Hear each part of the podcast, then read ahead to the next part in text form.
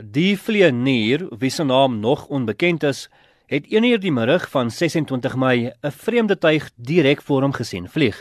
Hy het die lugvaartbeheer in kennis gestel van die tuig en gevra of hulle dit op hulle radarskerms kon sien. Hulle kon nie. All right, well, Mike Alpha, I don't show anything on radar. Looks like it's at your altitude. Uh, affirmative. November 1 Mike Alpha, still not sure what it was? Uh, no, it's gone behind the uh, the clouds. I have no idea what it is. Die Amerikaanse burgerlugvaartowerheid het bevestig dat hulle die voorval ondersoek. Die owerheid ondersoek ook 'n voorval in Februarie vanjaar toe twee kommersiële vlugte paaie gekruis het met 'n vreemde voorwerp wat op 'n hoogte van 40000 voet gevlieg het. Die voorwerp kon ook nie op radar gesien word nie en het ook geen radioboodskappe uitgestuur nie. 'n Uiters gevaarlike ding om te doen in die lugruim wat deur kommersiële vliegtye gebruik word. American uh, 1095, uh, let me know if uh, you see anything pass over you here in the next uh, 15 miles. You know if anything passes over? American 1095 affirmative. We had an aircraft in front of you that's uh, 37 that reported something pass over him, and uh, we didn't have any targets. So just uh, let me know if you see anything pass over you. I, I don't know what it was. It wasn't an airplane, but it was. The path was going the opposite direction. Tot vandag toe is daar geen duidelikheid oor wat die voorwerp was nie. Die voorval het plaasgevind in 'n gebied waar die Amerikaanse lugmag vliegtye toets, maar die lugmag het ontken dat dit een van hulle vliegtye was. Kommersiële vlieëniers het in Oktober verlede jaar ook 'n ongeïdentifiseerde voorwerp gesien in die lugruim bo noordelike Kalifornië wat teen 'n baie hoë spoed beweeg het. Dit kon ook nie op die weermag se kragtige radarskerms gesien word nie. Hulle het die tuig vir 'n halfuur lank waargeneem. Amerikaanse F-15 vegvliegtuie is gestuur om die tuig te onderskep, maar hulle kon niks vind nie. Die operasionele bestuurder van die Seattle Lugvaartsentrum het die plaaslike lugvaartsentrums gebel om hulle te waarsku oor die tuig. We just had a, a weird thing to happen, kind of, uh, 37,000 feet yeah. coming to you.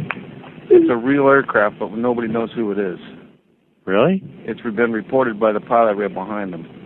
Really? Yeah. And the target's been jumping around, but we have no code, no nothing.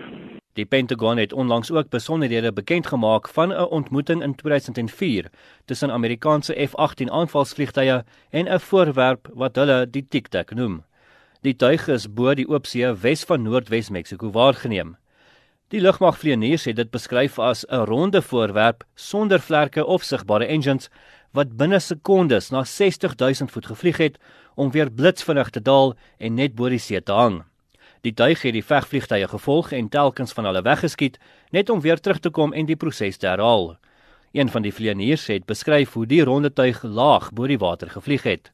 On a clear, perfect day, blue waters, we get out to the spot where they tell us it's at. Um, we start looking around, and both of us, both airplanes, see a disturbance in the water and a white, 40 foot long, tic tac shaped object just hovering above the water, going forward, back, left, right. There's no rotor wash, there's no wings, nothing. So as we drive around in a clockwise flow, we get to about the 9 o'clock position, and I said, Well, I'm going to go down and check it out, and the other jet is going to stay high. So as we go down, and when we get to the 12 o'clock position, it starts to mirror us. So it's in a clockwise flow, and it's on the opposite side of the circle from us. And we continue this. It's in a climb, we're in a descent, we're getting a great look at it. This whole thing takes about probably up to five minutes from the time we show up. I get over to the 8 o'clock position, it's at about the 2 o'clock position, and I decide I'm going to go and see what it is, and it's about 2,000 feet below me.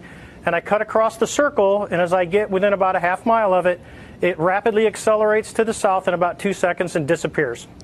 Die Amerikaanse regering weet nou nog nie wat die voorwerpe is nie. Tot tyd en wel die ondersoeke voortgaan, bly dit vreemde, vleiende voorwerpe. Ek is Justin Kennerly vir SAK nuus.